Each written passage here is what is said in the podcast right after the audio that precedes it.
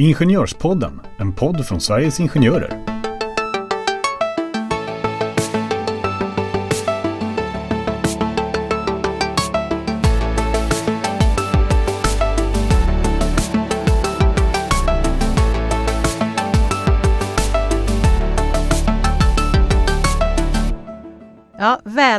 Tillbaka till Ingenjörspodden ni som har lyssnat och framförallt ni som lyssnade förra veckan. Då pratade vi om diskriminering och det var del ett av den här lilla miniserien av, bestående av två avsnitt.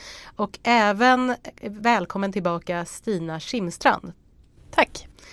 Du, eh, det var två veckor sedan men nu ska vi fortsätta prata diskriminering och eh, jag tänkte väldigt, väldigt snabbt för att man får då hemskt gärna om man inte har lyssnat på avsnittet, lyssna på avsnittet. Men det vi pratade om eh, i det här avsnittet ett då om diskriminering var ju framförallt att vi gick igenom de sju olika eh, diskrimineringsgrunderna och även förbuden och försökte eh, förhoppningsvis klargöra för er som lyssnade den här eh, systematiken hur vi eh, som ombudsmän men även då som förtroendevalda självklart kommer fram till om det här eh, är ett diskrimineringsärende kan man säga. Mm. Om det inte är diskriminering utan det är någonting annat Eh, vad gör man då? Alltså det kan ju vara till exempel mobbning men det är inte, faller inte under diskrimineringsgrunderna. Ja, då finns det ju arbetsmiljöföreskrifter. Just det. Ja, som, som tydliggör vad arbetsgivaren har för skyldighet. Så att man kan säga att arbetsgivarens skyldighet är väldigt vidsträckt inom arbetslivet. Men mm. det behöver ju inte vara diskriminering för att någon känner sig kränkt. Och som vi sa att all orättvis behandling är ju inte diskriminering enligt lagens mening. Även om individen känner sig kränkt och eh, själv är övertygad om att det är diskriminering så måste det ha ett samband med någon av de här sju diskrimineringsgrunderna. Mm. Nu, nu gjorde du en, en snygg brygga för du började prata om just arbetsgivarens ansvar eh, och arbetsmiljö och det är precis det jag tänker att vi ska prata om i det här avsnittet. Eh, just arbetsgivarens ansvar men då kopplat till just diskriminering i det här fallet. Mm. För arbetsgivarens ansvar är ju såklart att inte att de här situationerna ska uppkomma som vi har pratat om nu i tidigare avsnitt där det har varit diskriminering utan självfallet att förebygga eh, diskriminering och även allmänt så, såklart ohälsa som mm. det här ändå är på arbetsplatsen. Mm. Eh, hur gör man det då som arbetsgivare? Diskrimineringslagen är ju, tycker jag, ganska spännande upplagd. Den innehåller ju massor med olika kapitel. Och jag säger det just för att man ska förstå. Vi, vi har ju sagt ordet systematik ganska mm. många gånger. Eh, framförallt förra avsnittet. Eh, därför att det finns ju förbuden som är liksom när någonting har inträffat. Och så, och så gjorde man ju skillnad mellan om det är en arbetsgivare som diskriminerar en arbetstagare eller om det är mellan två kollegor. Mm. Och skyldigheter som arbetsgivaren har att utreda. I det förebyggande arbetet där är det ju så att man har definierat i lagen ett antal olika områden som man ska jobba med att titta särskilt på. Eh, att det inte finns risk för diskriminering. Man pratar även om en systematik. Eh, att man ska undersöka, och analysera, åtgärda och följa upp. Eh, och sen så har man även Men vilka, förlåt att jag avbryter dig mm. nu, men vilka områden då är det som man pratar om i lagens mening som man eh, just ska tänka på lite extra när man ska förebygga eller förhindra eh, diskriminering på arbetsplatsen? Ja, men man pratar ju om till exempel eh, vid rekrytering och befordran. Mm. Eller så pratar man ju om eh, det som flera känner till det här att man ska kunna förena förvärvsarbete med föräldraskap. vad betyder det? Ja, men då kan man ju tänka sig så här att på, på flera arbetsplatser eh, så har man ju till exempel definierat att vi har inte möten före klockan 9 eller efter klockan 15 eller mm. 16 eller hur man nu väljer att göra det. Att man ska på olika sätt systematiskt se över hur ska det gå att förena förvärvsarbete och föräldraskap. Mm. När man pratar om eh, till exempel arbetsförhållanden utifrån de här sju grunderna då kan man ju fundera på, ser det olika ut för män eller kvinnor? Eh, det kan ju vara för de som har ganska fysiska arbeten, behöver man göra några anpassningar där. Nu är vi väldigt nära även arbetsmiljöspåret. För Tänk, så här är det vad ju. Tänker du då? Det, alltså omklädningsrum? Ja, till exempel. Mm. Ja, om det behöver ordnas. Eh, så att det finns för både eh, män och kvinnor om vi ska vara så binära. Mm. Men ja, det låter ju såklart lätt när du säger det men jag tänker att det kanske inte alltid är så enkelt och det beror ju såklart på också, vi pratar ju arbetsgivare så finns det ju väldigt stora arbetsgivare där det här kanske sker systematiskt i, i ett sådant arbete men, men eh, medelstora eller kanske mindre företag så kan ju det här vara främmande. Hur ska man som förtroendevald, ni som lyssnar nu som är förtroendevalda, hur ska man jobba med det här? Jobbar man tillsammans med arbetsgivaren? Är det här bara arbetsgivarens ansvar eller hur är det tänkt att det ska fungera? Ja, det är ju uttryckligen så att man ska göra allt det här arbetet, det förebyggande främjande som också som kan summeras med ordet aktiva åtgärder eller orden aktiva åtgärder. Det ska ske i samverkan med arbetstagarna och arbetstagarna organiserar sig genom att det finns förtroendevalda. Så där behöver det finnas en, en, en tydlig och nära dialog mellan de som är förtroendevalda och arbetsgivaren.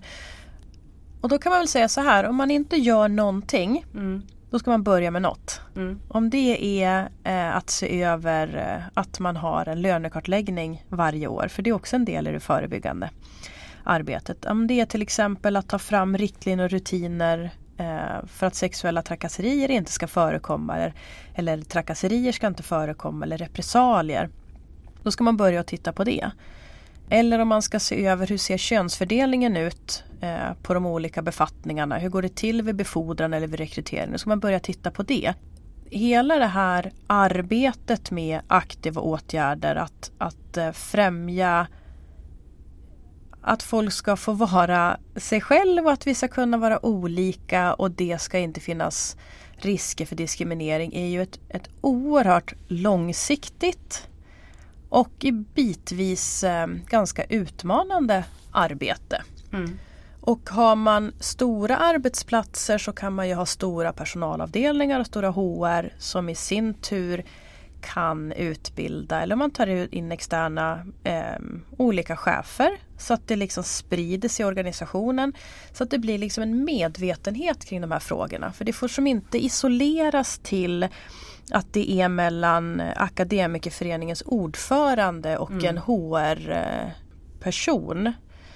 Eh, så har man skrivit jättebra planer för olika saker. Mm. Utan det här handlar ju till mångt och mycket om en medvetenhet kring de här frågorna. Att det är ett arbete som, som liksom aldrig tar slut och att man måste visa om man om man tror på att vi ska ha inkluderande arbetsplatser där eh, eh man får ha vilken sexuell läggning som helst. Man får leva med, med eh, partner som har samma kön eller olika kön och man ska få eh, komma från olika länder och man ska kunna få tro på olika saker och man ska få kunna ha en svenska som har inslag av liksom andra språk i det. Mm. Då behöver vi ju jobba med det hela tiden. Men då menar du att man jobbar i någon typ av samverkan, mm. eh, alltså arbetsgivare och till exempel akademikerförening. Mm. De här listorna som du pratar om eller policies och så vidare, mm. kan man, de kan man hitta på DOs hemsida bland annat. Eh, lite instruktioner till hur man kan, alltså ett första steg tänker jag om det är så att man inte har en arbetsgivare som själv tar fram eh, policies och riktlinjer. Och det är som du säger, policies och riktlinjer är all ära men det måste implementeras också.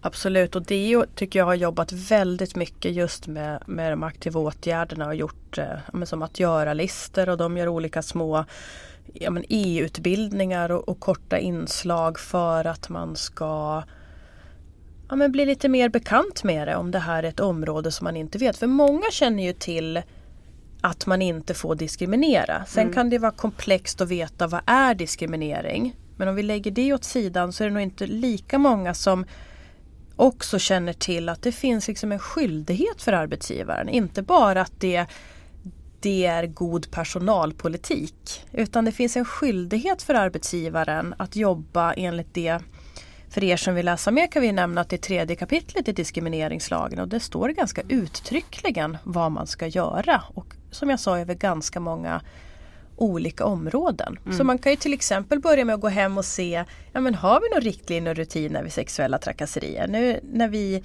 som vi nämnde i förra avsnittet så pratade vi om, om metoo-rörelsen mm. och att det, det var en ögonöppnare för jättemånga. Men då finns det krav på att man ska ha det dokumenterat i form av riktlinjer och rutiner. Men tror du att metoo-rörelsen satte igång då någon typ av tanke som ändå också blev ehm, för arbetsgivaren att man även jobbade proaktivt med, med det här. Ser du det i till exempel dina ärenden? Har du, jag tänker om, om du liksom har något eget exempel på det hela? Vet du, jag upplever verkligen en helt annan typ av medvetenhet. Mm. Där när jag tidigare var ute och pratade mycket om sexuella trakasserier så var det sådär, jo jo men hur ofta mm. händer det då? Mm. Medan nu när jag är ute och träffar olika eh, akademikerföreningar så, så är det så det är så tydligt för alla och då menar jag för både män och för kvinnor. Eh, för att, att bli trakasserad, sexuellt trakasserad kan ju både män och kvinnor bli även om vi har sett majoriteten har varit kvinnor.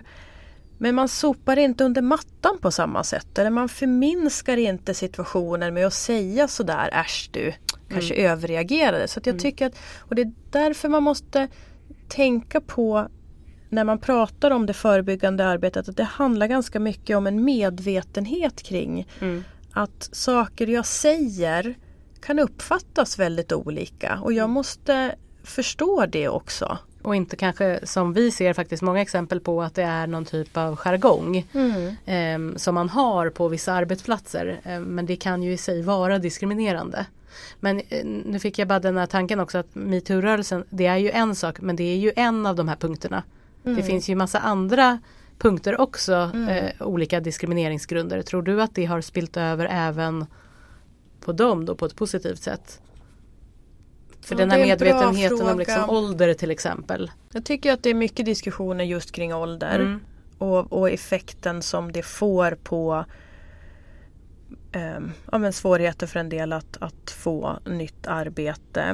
Mm, man kan väl säga så här att vi som ju till mångt och mycket ser vad som händer i Arbetsdomstolen och vilka, vilka ärenden som, som fackförbunden driver och vilka ärenden som Diskrimineringsombudsmannen driver.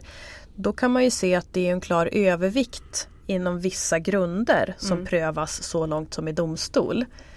Eh, och där, ja men vi har ju ett, en diskrimineringsgrund som heter eh, könsöverskridande identitet och uttryck som ju inte har förekommit lika mycket så som eh, kön har gjort till mm. exempel. Mm. Och det har ju också att göra med att de här grunderna har ju varit definierad som en skyddad grund olika länge. Mm.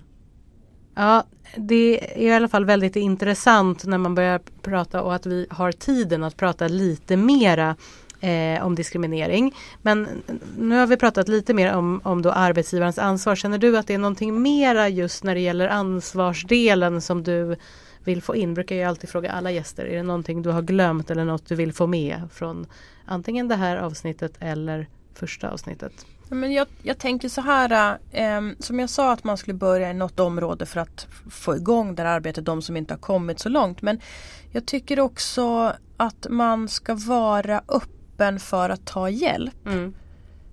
För att det här kan vara svåra frågor och inte minst om man kanske ska börja förändra sin egen inställning eller attityd. Vilket jag tror att, att, att äh, ganska många har gjort genom åren och förstått att oj det där kanske inte var okej att säga, det tänkte jag inte mm. ens på då. Så det är mm. liksom en resa som många behöver göra. Så att, um, Det är väl ett, liksom ett medskick jag har, ta, ta hjälp och jobba, mm. jobba med de här frågorna i hela organisationen. Men också återkommande. Mm. Det var bra slutord. Jag tror vi ska sätta punkt där faktiskt. Och eh, Tack så hemskt mycket Stina för att du kom och pratade diskriminering. Nu vill man ju säga så här, det här kan vi prata mycket mer om och det kan vi ju säkert. Men om ni som lyssnar har några specifika frågor på avsnitten så kan ni ju eh, mejla till ingenjorspodden sverigesingenjorer.se så ska vi se om vi antingen kan ta upp dem eller svara på dem på annat sätt. Ja men eh, tack igen och eh, Stina nu får du säga hej då för denna gången och det ska jag också göra. Tack för att jag fick komma. Tack, tack. Hej då!